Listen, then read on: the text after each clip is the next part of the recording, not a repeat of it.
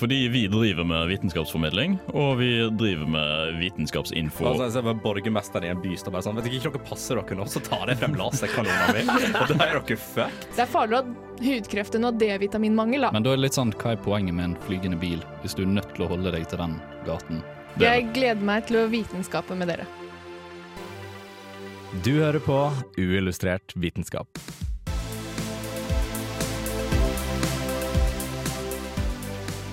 Det er nytt semester, og forelesningene har begynt å rulle for fullt etter en sommer og vår full av kontroversielle meninger rundt 5G, den pågående pandemien og ikke minst rundt global politikk.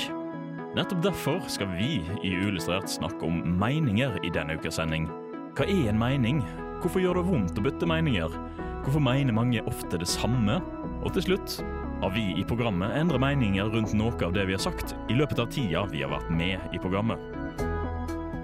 Hallo, hallo, hallo, og hjertelig velkommen til denne ukas sending av Uillustrert vitenskap. Mitt navn er Andreas Haugland, og med meg i studio i dag har jeg Andreas Riple. Hallo. Jeg har Martine. Hallo. Jeg har Katrine. Hei, hei. Jeg har Martin. Hallo. Og jeg har Kristine. Hei, hei!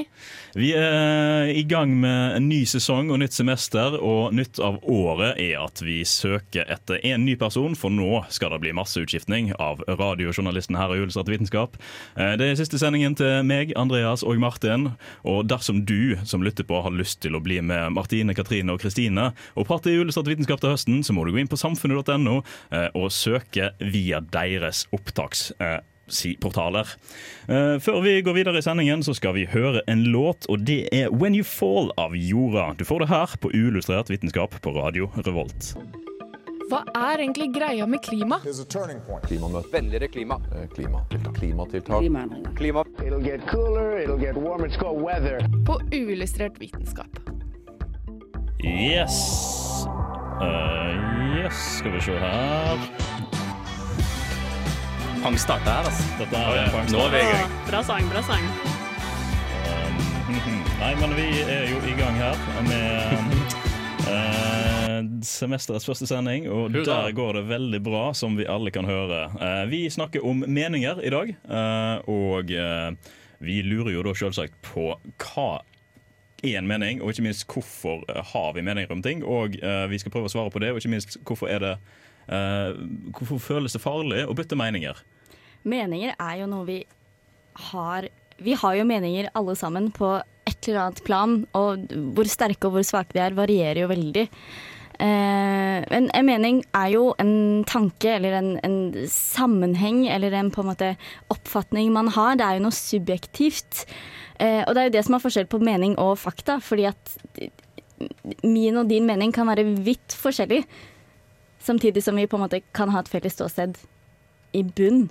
Det går vel an å si litt sånn som eh, hva er det alle tomler i fingre, men ikke alle fingre er tomler. Alle, eh, alle fakta kan være en mening, men ikke alle mening er fakta. Eller et eller annet sånt. Det var noe der. Det var ganske vist. Det er noe sånt. Det var, nei, det, det var samtidig Det var ikke helt riktig, men det var noe der. Men det er jo det som er litt vanskelig med forholdet mellom meninger og fakta òg, er jo at sånn in this day and age så kan mye forveksles mellom hverandre. Hva er egentlig folks meninger, hva er egentlig fakta? Og det er der sosiale medier spesielt er liksom skummelt, fordi det er så mye informasjon, men hva er det egentlig en fyr i Canada har ment, og hva er det egentlig som er forska på? Fake news og alt det der. Absolutt. Um, og man tilpasser seg jo veldig etter liksom, hvem man er sammen med, og spesielt sånn når man er ung.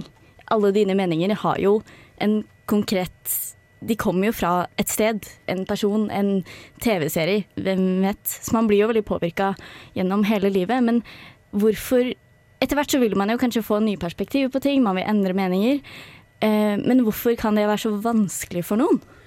Ja, for det er det som er det store spørsmålet. Er det lov til å endre mening? Og selvfølgelig, det gode svaret på det er jo ja. Alle vil jo at eh, man skal kunne endre mening, fordi da viser man at man har dybde, og at man klarer å ta inn kunnskap.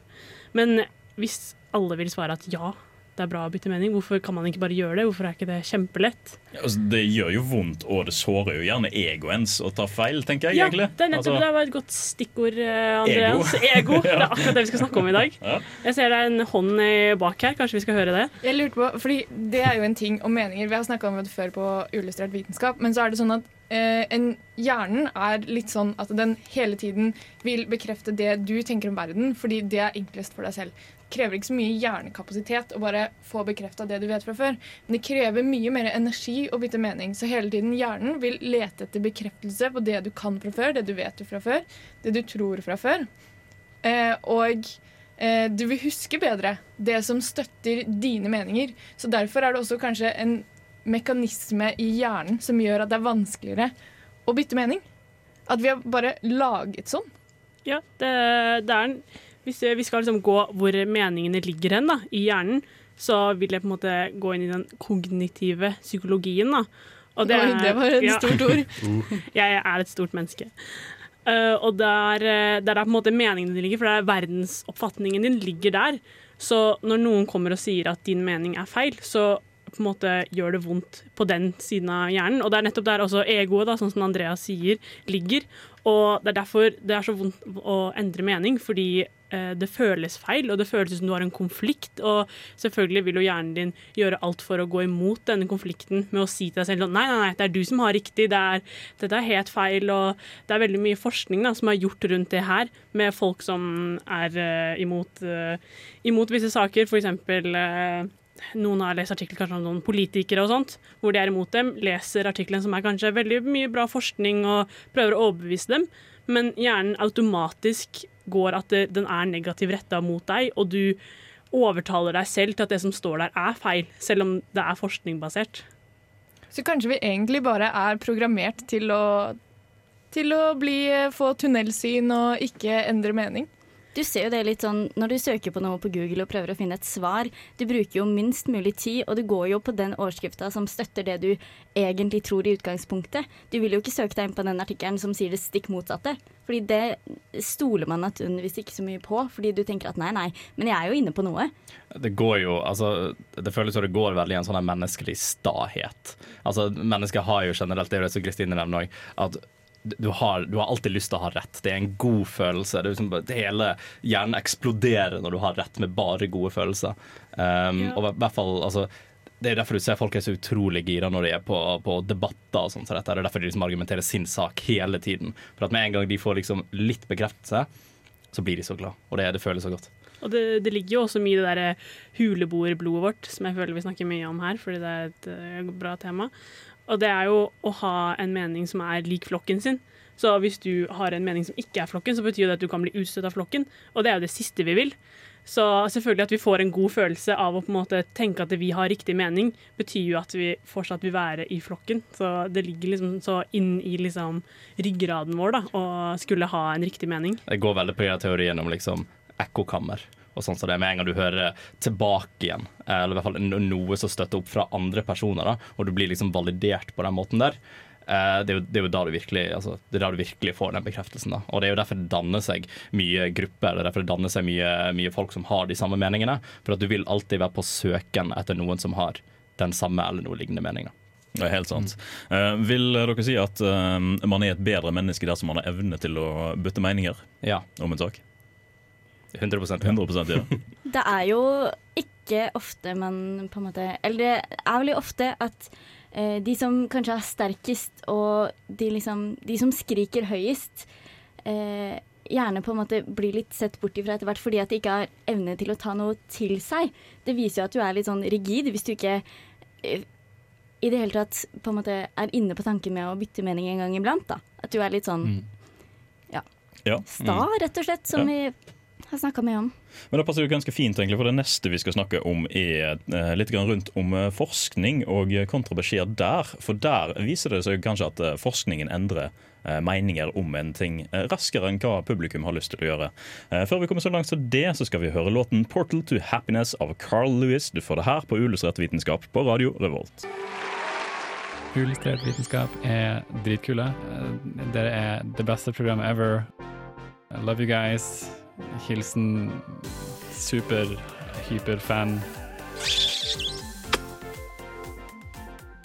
Og vi er tilbake, denne gangen uten uh, problemer. Vi skal nå snakke om uh, forskning og meninger i forskningen, fordi det har seg jo litt sånn at uh, forskningen er veldig ofte lukket innenfor sitt miljø. Den skal gjennom mange iterasjoner med skriving, undersøkelser, statistiske analyser, peer reviews og alt mulig sånt før den kommer ut i, til omgivelsene. Men nå, i våres, så har vi opplevd en situasjon der vi har fått forskningen i sanntid. i parallell med denne pandemiutviklingen. Og Vi skal da se litt på nærmere om eh, på disse, disse frustrasjonene som kommer når man opplever veldig mange eh, fram- og tilbakemeldinger om hvordan man skal forholde seg til f.eks. Eh, en pandemi. Og det er jo eh, litt grann, ikke, kanskje ikke bare typisk for eh, denne forskningen her, men også for andre forskninger. Det er jo et fenomen som vi har sett mye av uh, i forskningen, og i hvert fall nå i det siste, hvor det har blitt mer, mye mer sånn åpenhet og open access og hele den regla der. Så har man jo hatt lyst til å eh, være sånn Yes, bra til åpenhet i forskning, men som vi snakka om i stad, er at man har jo ikke lyst til å endre mening. Man, jo, man vil jo bare vite det man visste fra før av. Man vil jo bare få bekreftelse hele tiden. Men realiteten er sånn at i forskningen så skal du ikke det. Du skal finne ny kunnskap, og du skal motbevise deg selv hele tiden. Det er et helt motsatt prinsipp som kanskje er litt vanskelig for veldig mange å være med på. da. Jeg har en mening. Ja, vær så god. Eh, folk er dum. OK. Det er en mening. Nå må du, nå må du utdype. Jeg skal utdype.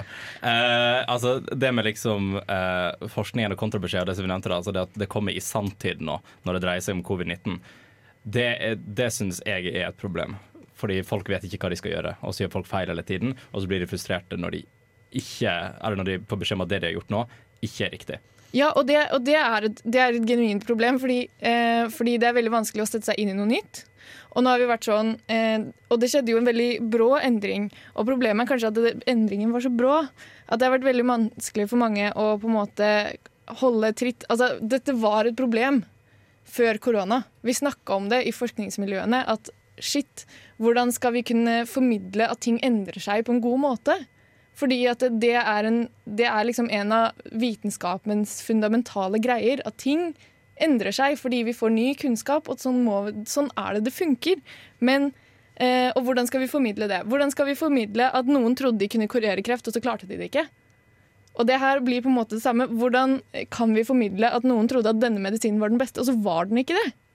Det er liksom eh, Ja, det, er, eh, det har vært et problem, og nå ser vi det. Det blir så mye mer tydeligere. Altså, korona har har så mange eksempler på ting som vi har egentlig slitt med før, men som bare blir kjempetydelig nå fordi at det skjer så veldig fort. Og så har det også vært det at man har eh, publisert ting på en litt annen måte. Eh, Andreas eh, kom med en liten intro til det, men det har jo vært sånn at det er en tungvint prosess å publisere noe vitenskapelig. Og det er jo for, at, for å hindre da, at man skal få så mange kontrabeskjeder, og at det skal være så mye rar kunnskap der ute, og for å på en måte styrke tilliten til forskningen. Men nå kan du jo bare publisere noe på en sånn eh, server, og så er det tilgjengelig for alle til å lese det, før det har gått gjennom peer review og blir publisert i en ordentlig journal, da. Ja, for jeg synes at liksom, Når det kommer til alt dette, her, så jeg føler jeg at graden av viktighet burde diktere hvilken informasjon du kommer med. Ja. Eh, når det kommer til covid-19, ting som påvirker folk, eh, ting som har en veldig stor ting å si i samfunnet vårt akkurat nå, der burde beskjedene heller komme i færre tall. Men med mer riktig og mer forska på informasjon. Mens du har eksempel alle disse her eh, 100 artiklene som kommer hver dag om at nå, nå er dette usunt å spise, nå er dette sunt å spise. Plutselig så gir øh, Og pass deg, vannmeloner gir deg kreft, øh, og alt det der. Det er på en måte greit. For at Det kan vi ha flere av. det, det er på en måte litt greit, for at du, er allerede, du er veldig vant med den bølgen med sånne ting. For at ja, det er viktig å spise sunt, men det er ikke så viktig å holde seg oppdatert på alle helsetrendene hele tiden. Mens med covid-19 så må du være oppdatert hele tiden, for du må gjøre det som er riktig. Men samtidig så får du veldig mye rart av for folk som tror ting haster. Sånn som for eksempel, Jeg elsker den, dette eksempelet. Med den artikkelen som kom av noen belgiske forskere som mente den at eh, det var eh, At du eh, spruta ut av partikler når du jogga. Det var liksom Og det ble store overskrift på overalt. Det var sånn Å nei, joggere! Kjempefarlig! Ikke sant? Da var jo alle ute og jogga, fordi du hadde jo ikke lov til å dra på treningssenter. Og hva skal du gjøre, da? Nei, så du jogga. Eh, og, så, og så ble jeg litt provosert, for jeg var en jogger. Så, så dette festa seg liksom hos meg, da. Og så var jeg sånn OK, men denne artikkelen skal jeg faktisk lese. Jeg skal gå inn og så skal jeg lese denne artikkelen. Og så var den ikke tilgjengelig, fordi at den var ikke publisert. Det var bare en pressemelding. Det var ikke Ah. lagt ut en tekst engang. Mm. Og så eh, ble det liksom aldri lagt ut Eller det kom liksom aldri noe mer enn det. Og så, var det, og så døde det helt ut. Og problemet med sånne ting er at du får så mye motstridende informasjon, og det blir liksom så veldig vanskelig. Hva skal du forholde deg til? Men nå har jo media også blitt mye flinkere, fordi det har jo vært en omstilling for media også. At, eh, og Før så trodde man at man tenkte oi, alt dette her er informasjon som vi burde få ut til alle sammen. Men så har også mediene også blitt veldig flinkere til å filtrere ut. da. Ok, Kanskje ikke alt er like viktig. Kanskje bare, kanskje bare det er noe som er viktig. Og at det, ja, det Man henger litt etter, da. Mm. Men sånn er det jo alltid. Ja, det er helt sant. Det vil jo alltid være en utvikling der, og en, ikke minst eh, som du nevner nå helt til slutt, at det også er en læringsprosess. Eh, Vi må dessverre gå videre, og vi skal høre litt grann mer Samtidig som man skal skille seg ut med gode meninger. karakterer, en godt betalt jobb, se bra ut, så skal man også passe inn ved å være normal. Eller dette er i hvert fall inntrykket man kan få. Noe som plast og hav, og da spesifikt plast i havet, er aktuelt og preger nyhetsbildet, som man ofte sier. Det er liten tvil om at media former vårt syn på vitenskap. Nesten daglig pepres vi med sensasjonelle sensasjoner i vitenskapens verden, fra mediehus, sosiale medier, reklamer, blogger, venner, venner av venner som har lest et sted at noen har hørt at Inspirasjonsteorier er vanlig i alle samfunnslag, uavhengig av kjønn, yrke, inntekt, utdanningsnivå osv. Men hvorfor vil vi være normal? Det handler om en følelse av å passe inn i et visst miljø. Du lar deg altså påvirke av reklamer som appellerer til din identitet, ved at du identifiserer deg med den. Man skulle tro de to ordene var relatert. Men det handler jo ikke bare om det vi leser, for hva om det ikke bare er dårlig informasjon som er problemet, men også vår egen tanke om hva som faktisk er nøytral informasjon? Og kanskje til og med vår egen overbevisning om at vi er nøytrale og rasjonelle. Men kanskje vi kan hjelpe med å finne fram i denne jungelen av meninger og fakta.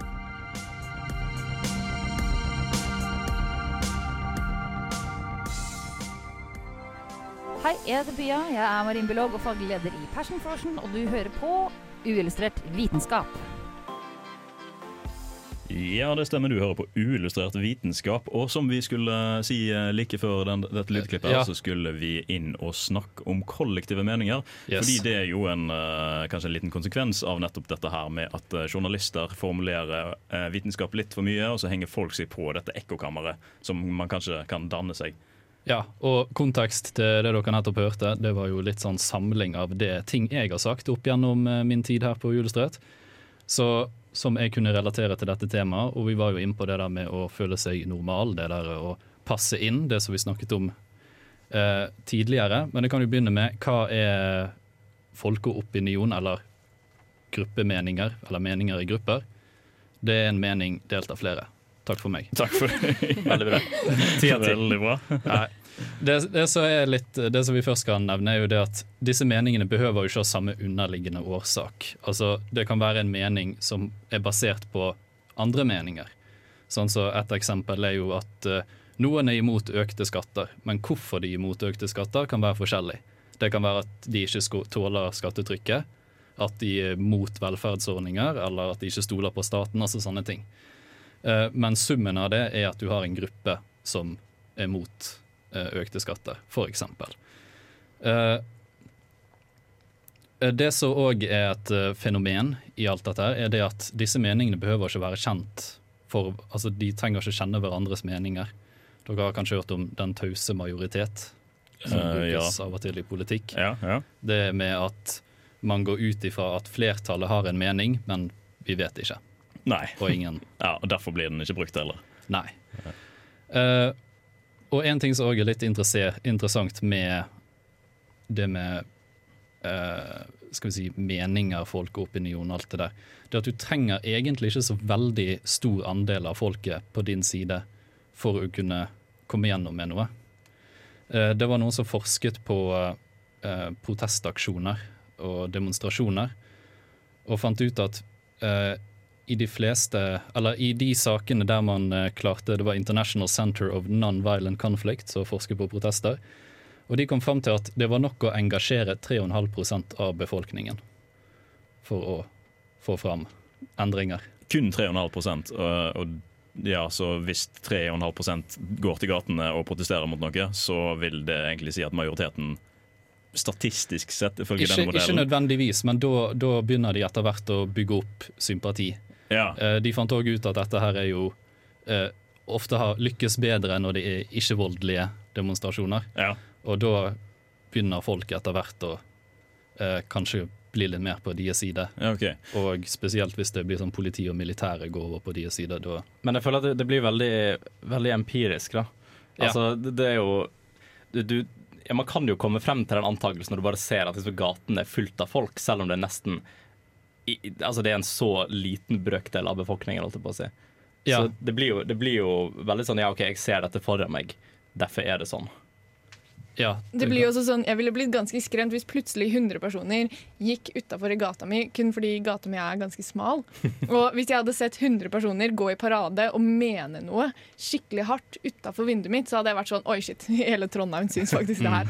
Og da må faktisk jeg synes det òg. Så det, det er kanskje det med at en folkemengde, som egentlig kanskje ikke nødvendigvis er så stor, for de fleste sitter inne hjemme hos seg selv, Ja. at de ser veldig skremmende ut fordi det ser veldig mange ut når de samles. da. At det kanskje det har noe med saken å gjøre, det òg. Så det du sier, Kristine, er at vi trenger bare 100 folk, så endrer du hvilken som helst mening. Nei, men jeg ville blitt skremt. Jeg ville, jeg ville, jeg ville tenkt på det. Det er notert. Ja. I hvert fall hvis 3,5 uh, gjør det. Er det Ja. derfor det òg at um, uh, folk er så redde for studenter som samler seg i parken? Åh, ja. Jeg vet ikke om det er 3,5 da. Nei, kanskje Og ikke. jeg vet ikke om de står samlet bak én sak. Det vet vil jeg drikke heller i parken. Helt De vil drikke, oh, ja, ja, Ja, det det, det i som er parken. Ja, ja. flertallet. En, en annen ting, da. Uh, 3,5 har dratt til Syden. Hvis det hadde vært sånn, er majoriteten av Norge enige om at uh, man burde åpne opp Syden for alle? Så, ja, kanskje ja, det er litt vanskelig. Nei, Vi skal videre i sendingen, og vi skal snakke mer om meninger. Nå skal vi inn på litt mer ekstreme meninger, og hva som gjør det farlige, og hvorfor. eh, eller, og snakke litt om om de bør få oppmerksomhet i det hele tatt. Yes, Før det så skal vi ha en liten pause her. Her kommer siste rest av Sitte fast, før vi får høre On Request av Das Body. Du får det på Illustrert vitenskap på Radio Revolt. Dette er eh, fysiker, programleder eh, og fire ganger norgesmester i morellsteinspytting, Andreas Wahl. Det skjønte du på den introen. Og akkurat nå så lytter du til uillustrert vitenskap. Men det visste du forhåpentligvis. La oss begynne med hvorfor vi ser ansikter. Dette kalles pareidoli. Du har kanskje ikke så mye interesse i maur, men du har lyst til å se hva artikkelen skriver om det. Sannheten er at mange høytstående arbeidsmarked krever realfagsutdanning. Noe av det første vi klarte å domestisere, var bl.a. hvete og erter. Og noen av de første dyra vi domestiserte, var kuer og villsvin, som etter hvert ble griser. Immunforsvaret vårt har tre primære oppgaver. Det viktigste, og da vi merker mest av når en er på vei til å bli frisk igjen fra typen forkjølelse eller noe lignende, og prøvd å bare skyte radiobølger tilfeldige steder i verdensrommet. Og de har funnet ut at sosiale medieavhengighet faktisk kan være sterkere enn andre typer avhengighet. Og dette var ei tid hvor regulering av last og sikkerhetstiltak rundt fartøyene ikke var så veldig utvikla. Som sagt, mange av de tidligste paradoksene vi møter på, kommer fra antikken. I denne ukas sending av Uillustrert vitenskap skal vi snakke om materialteknologi. Vi skal bl.a. snakke om forelskelse, lyst, flørting og utforske verdensrommet. Snakke om CRISPR, og vi skal høre mer om det vi syns var mest spennende i året som har vært. Det har du helt rett i, Andreas. Vi skal snakke om det vi syns er mest spennende. For dette her var jo en god samling av eh, dine meninger. eh, Ja, det, det er alle de meningene jeg noensinne har sagt. faktisk. Du har ikke hatt noen flere meninger enn disse tolv stykkene her. Nei, det var egentlig bare de. Um, men når vi kommer, jeg synes det er veldig, de var ikke så veldig ekstreme, disse meningene her. Nei, de var jo veldig, eh, veldig egentlig forsiktige, sånn at de kanskje skulle formidle et budskap. Ja, ja, det vil jeg si. Det var kanskje litt sånn hva skal jeg si, faktalade. Som uh, som også kan være en mening. Det, det som tok vi helt i starten. er veldig, veldig fint. Ja. Um, men vi kommer jo til et sånt spørsmål som nå er veldig interessant, med tanke på uh, sosiale medier, med tanke på politisk situasjon i verden og sånt. Kommer komme med, med spørsmålet eh, hvorfor velger folk å dele ekstreme meninger, eller veldig, veldig kraftige meninger og sånt. Um, og altså, En ekstrem mening defineres jo ofte veldig med det at altså, det er noe som er ytterst. Det er noe som er liksom lengst ute i en eller annen form for bevegelse. eller et eller annet sånt. Det kan være hva som helst, Uh, men ofte mest assosiert med typ ek ekstrem venstreside og ekstrem høyreside og sånn. Um, uh, jeg var innpå og las et par, eh, et par artikler og sånt, bare om hva ekstreme meninger er, og, hva, og hvorfor folk velger å si det og sånn. Og det, har, det kommer egentlig inn på mye av det som vi allerede har nevnt her i dag. Da. Um, det at det relateres til empiriske ting du ser. Uh, det baseres veldig ofte på, en måte, på miljøet rundt deg. Du ser en eller annen form for endring som ikke nødvendigvis uh, er relatert til hvordan resten av verden har det, men du ser det, og derfor må det være sånn. Altså, man, man tror jo på det man ser mest med øynene. sant? Det, det, det gir jo mening. Ja, sant. Um, men det blir veldig, et veldig subjektivt syn. Uh, og det er jo da du prøver å ha denne søken etter noen som har det samme subjektive synet som deg. F.eks. de store, slemme 5G-mastene som uh, emitterer covid-19 osv. Ja, så spinner litt videre på den gruppementaliteten som vi har snakket om tidligere i sendingen. Ja. ja. Um, og disse artiklene understreker veldig dette her med stahet. Det at du, er veldig, du står på ditt eget. og for enkelte mennesker uh, Nå skal jeg ikke si liksom, altså, enkelte typer med sånn type hjerne eller et eller annet sånt. Um, det er en kontroversiell mening. Ja, nei, jeg har ikke sagt Jeg prøvde å unngå å si en mening. Det er derfor. Um, men det er jo det at når du får motgang, eller for enkelte folk, da, når du får motgang på meningene dine, så kan det gjøre at meningene dine blir enda sterkere. For da, da, merker du sånn OK, uh, vet du hva, greit dere er mot meg, men jeg står på mitt. Jeg er en helt. Er det sånn når, når uh, moren din sier at det ikke er noe fint med sånn, den piercingen du har i øyenbrynene, så sier du jo, den er kjempefin, jeg skal ha den for alltid, og så er du 14 år. Mm. Um, det, er veldig, det er veldig den samme type staheten. Ja. Snakker du om noe om fra livet ditt nå, eller? Ingen kommentar. du, tror du du snakker om noe fra livet mitt? Ja, det også. um, og når, når, når, du får dette her mot deg, da, uh, og du står på ditt eget, så blir den meningen veldig veldig sterk. Og da får du ekstra mye god tilbakemelding når du hører det samme fra andre folk. Uh, og da er du jo veldig inne på dette her, sosiale medier, ekkokammer, gruppe, alt mulig sånt. Veldig fascinerende, men det kan skape en del oppstyr. Det kan det. Uh, du har jo Altså det, det, var veldig vanskelig å liksom finne ut nøyaktig hvorfor folk velger å poste mening, meningene sine, men den ser jo at med uh, oppgangen i sosiale medier, altså som har vært trenden de siste 100 åra, uh, så har det blitt lettere. Og det er at det er så tilgjengelig som gjør at folk har lyst til å poste det. Uh, du har grupper på Facebook uh, som uh, er bare sånn, det kan være ti medlemmer, men de er i hvert fall samla rundt den samme meningen sin, og de har et forum der de kan fortsette å dele på det. Det blir kanskje også enklere for folk å finne folk som har samme meninger. Altså, Si om du bor i en bygd, da, så er det skitvanskelig for deg hvis du plutselig har en ukon Eller hvis du er litt kontroversiell, og så alle andre bare sånn 'herregud, så teit du er'. Men hvis du da poster det på internett, mm. så er det veldig lett å finne noen som mener det samme, fordi det er så mange mennesker i verden. Altså, du kan ikke, det må finnes noen der ute som mener det samme som deg. Mm. Det er jo også noe som vi har sett uh, med den incel-bølgen som har vært og vært mye mer av i det siste. Det er jo en ganske ekstremisert versjon av uh, det som det egentlig skulle være. Det skulle jo egentlig være en sånn hyggelig gruppe for folk som, å møtes uh, og ha det felles om at de ikke kunne få seg noe. Mm. Men så har det blitt mer ekstrem og ekstrem og ekstrem, og så til slutt har det kasta ut det gamle synet de hadde på gruppa, og så er det rett og slett blitt en kvinnehatende ekkokammer. Jeg vet hva, jeg vet hva, jeg tror vi hater kvinner, jeg. Ja, ja, sånn, ja ja, det er det vi gjør. Det er derfor vi er. Ja, sant? Ja. Ikke bare ha et fellesskap å knyttes om. Og det er jo noe med at internett også gjør at verden har blitt vanvittig mye mindre. Som du sier, Kristine, du er ikke på bygda lenger, der du er den eneste med meningen, men du kan gå inn i ditt, eh, ditt eget lukkede forum og snakke om den tingen du har veldig kjær. Mm. Så kommer spørsmålet egentlig uh, ja. Altså Det samme gjelder jo litt massemedia. Der blir du òg eksponert for andres meninger. Så det var jo litt første ledd. altså Før sosiale medier så var det jo massemedia som åpnet litt for Eh, prosessen med at folk kan bli kjent med andres meninger. Ja. Og skjønne at de ikke er den eneste som Eller at de kanskje ikke er i så lite mindretall som det de kanskje gikk ut ifra først. Ja, sant. Nei, nei, jeg er bare her for å skape debatt. ja, som alle sa på nettet noensinne med ekstreme meninger. Uh, yes. Jeg har lov til å si det jeg vil. Det er fri rett til å ytre. Ja, alt ja, mulig. Ytringsfrihet. Uh, uh, men vi, litt tilbake til det mediegreiene. Ekstreme meninger. Burde man gi oppmerksomhet til alle ekstreme meninger som dukker opp? Bør man snakke om det i mediene?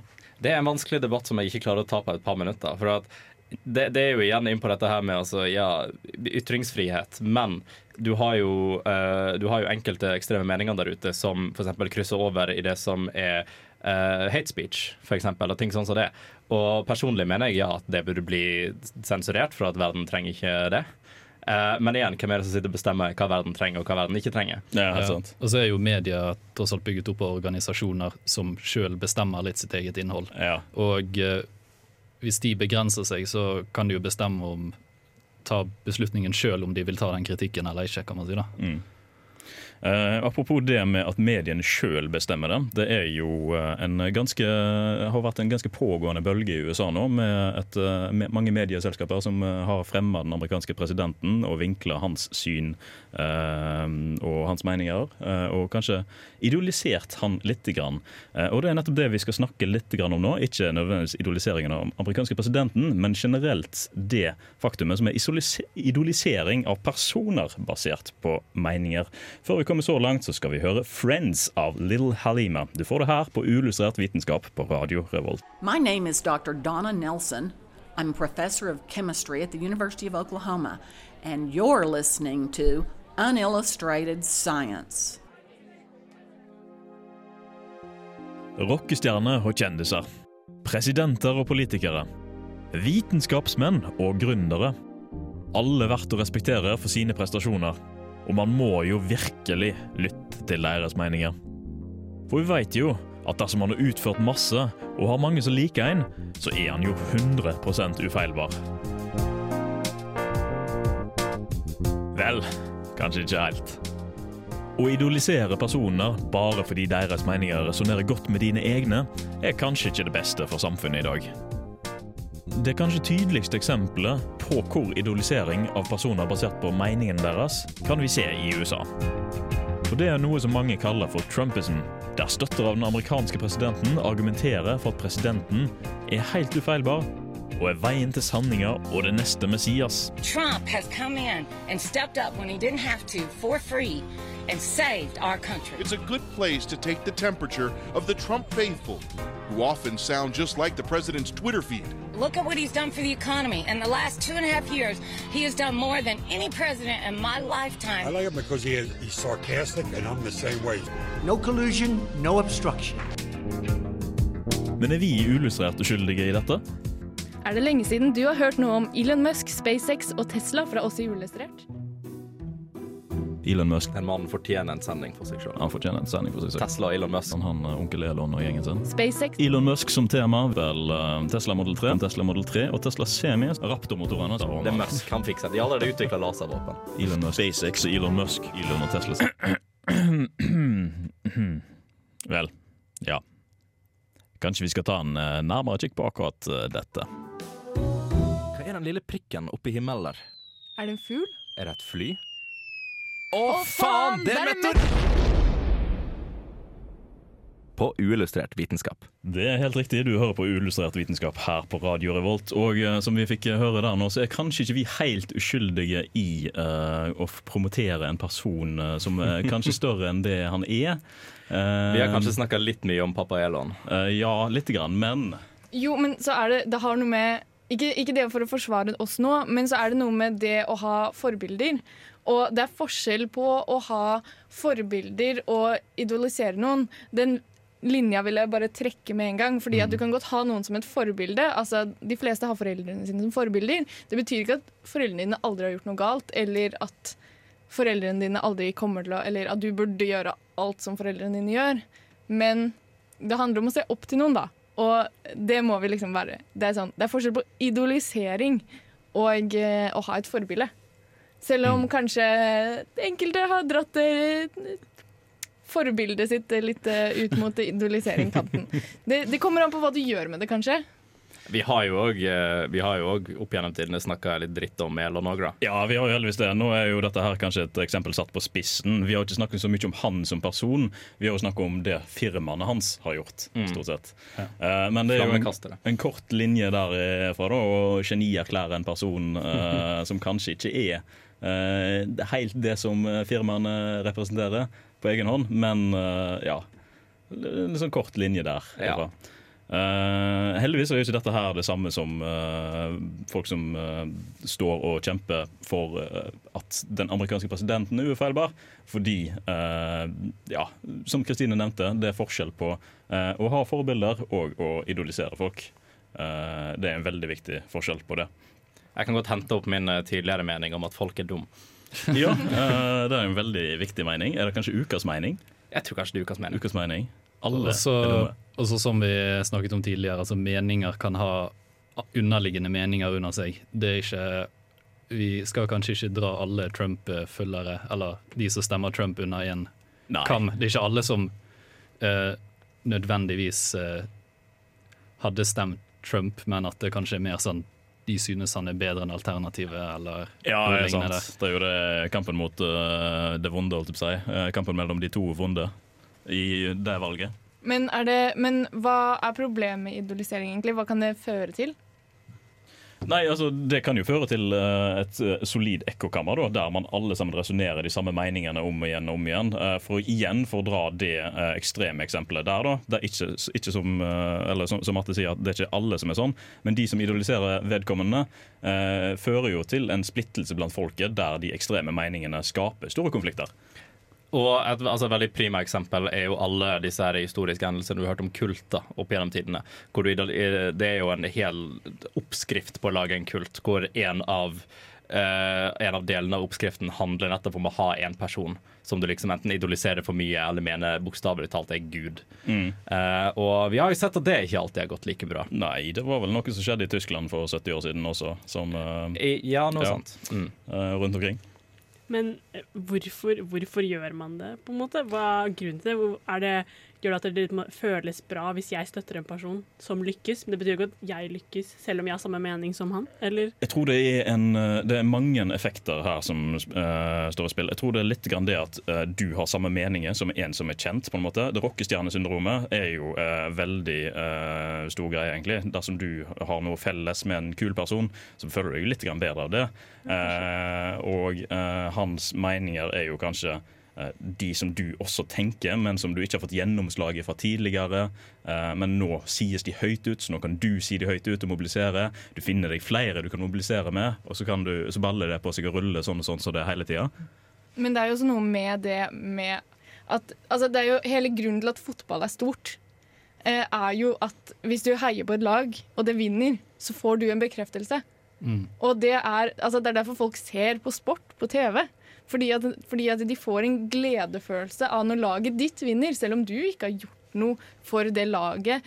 Altså, selv om du bare sitter hjemme i stua di og roper hurra, så er det liksom så er det den følelsen du får da når en, eh, et, noe kjent lykkes. Og den skal man kanskje ikke undervurdere den heller. Det er eh, det Hjernen liker å ha rett, rett og slett. Ja, så er det jo litt sånn eh, Føler jo at laget representerer byen, mer eller mindre. Og så har man jo òg passende slagord med, sånn som 'Gullet skal hjem' og den slags. Var det Bergenspatrioten som våkna litt? Grann, nå? Ja, fot jeg er ikke så fotballinteressert. Nei. Altså det, det fremstår jo som en form for, form for trygghet, rett og slett. Både rundt meningene dine, eh, når det kommer til ofte sånn, altså tilbake til kult religiøse figurer, sånn som det, så fremstår det på en måte som noe dette er en person som er kjent, dette er en person som har makt, det er en person som kan beskytte deg selv om du har disse meningene her. Og folk søker jo alltid etter trygghet. Mm. Da kan de også få et slags patent på sannheten ved at de har et så på en måte bra og eh, idealisert bilde av noen som gjør at de er jo ufeilbare. De vet alt. Mm. Så det er bare å holde seg til det, så blir alt bra. Absolutt. Alt sammen kommer til å ordne seg. Ja, Vi får se i november om alt kommer til å ordne seg. Det blir eh, gravpils eh, om ikke, skal jeg si. Eh, det, ja, uh, det er dessverre det vi rakk i dagens sending av Ullustrert vitenskap. Uh, vi skal høre litt grann musikk til før vi kommer tilbake til en avslutning. Her kommer 24K av TK Maidsa. Du får det her på Ullustrert vitenskap på Radio Revolt. Tyngdekraften. Å ja, han har jeg hørt om. Galileo Galilei. Det er jo for godt til å være sant. Lars Monsen. Dette setter jeg pris på, ass. Tycho Brahe. Mm. Ah. krass fysikk. Yes, Vi har da kommet til veis ende for ukes sending og for en æra. Um, vi har nå snakket om meninger. Våre meninger. Syns du at våre meninger har endra seg masse? Det har vært, det har endra seg. Altså, jeg klarer ikke å tenke på noe spesifikt her og nå, men jeg vil i hvert fall si at vi har lært veldig mye om nye ting. Og vi har fått snakke om mye nytt og mye kult. Det er helt sant. Det vil jeg absolutt si. Um, og vi skal jo finne på andre ting her i Radio Revolt. Uh, det kommer et nytt program, forhåpentligvis nå allerede førstkommende lørdag uh, klokken 17. Der vi skal spille eventyrbaserte rollespillprogram. Uh, også populært kalt for Dungeons and Dragons her på Radio Revolt. Stemmer det. Uh, det anbefaler jeg alle sammen å tune inn på. Og I tillegg så vil jeg minne om at Ulesatt vitenskap søker nye radiojournalister. Der er søknadsfristen når? På søndag? På søndag, førstkommende søndag, så stikk inn på Studentersamfunnet sine hjemmesider og gå inn på opptak der. Eh, ja, det har vært en eh, Eh, Det har vært en ære, Ole, du være med i Illustrert vitenskap i fem og et halvt år nå.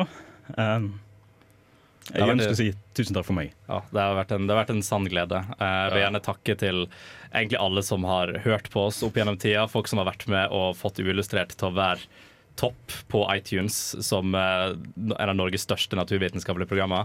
Det har i hvert fall vært en stu, stu, lang stund. Det har vært en lang stund, og det har vært kjempehyggelig. Og dere er helt supre, hele gjengen. Men herregud, vi skal jo fortsette. Fortsette å høre på Uillustrert vitenskap og bli med videre. Har du noe eh, å si, Martin? Nei, jeg vil bare si takk for meg. Sling deg på vært- eh, resten. Ja, det, det, har vært, det har vært en gøy tid. Det har det. Ja, og vi må jo også si takk for at uh, dere har hatt programmet så lenge, og at vi får lov til å ta over etter dere etter en så god jobb som dere har gjort. Det er blitt en legacy, rett og slett. Nå til slutt så skal vi høre på en uh, gjenganger her uh, på Uillustrert vitenskap. Dere får Tryllefløyten med Fjorden Baby. Det gjør du, og mitt navn har vært Andreas Haugland. Og med meg i studio i dag har jeg hatt Andreas Riple. Det har du. Takk for meg. Jeg har hatt Martin. Ha det bra. Kristine. Ja, hei. Ha det bra. Katrine og Martine. Ha det. Du har lyttet til en podkast på Radio Revolt, studentradioen i Trondheim. Sjekk ut flere programmer på radiorevolt.no.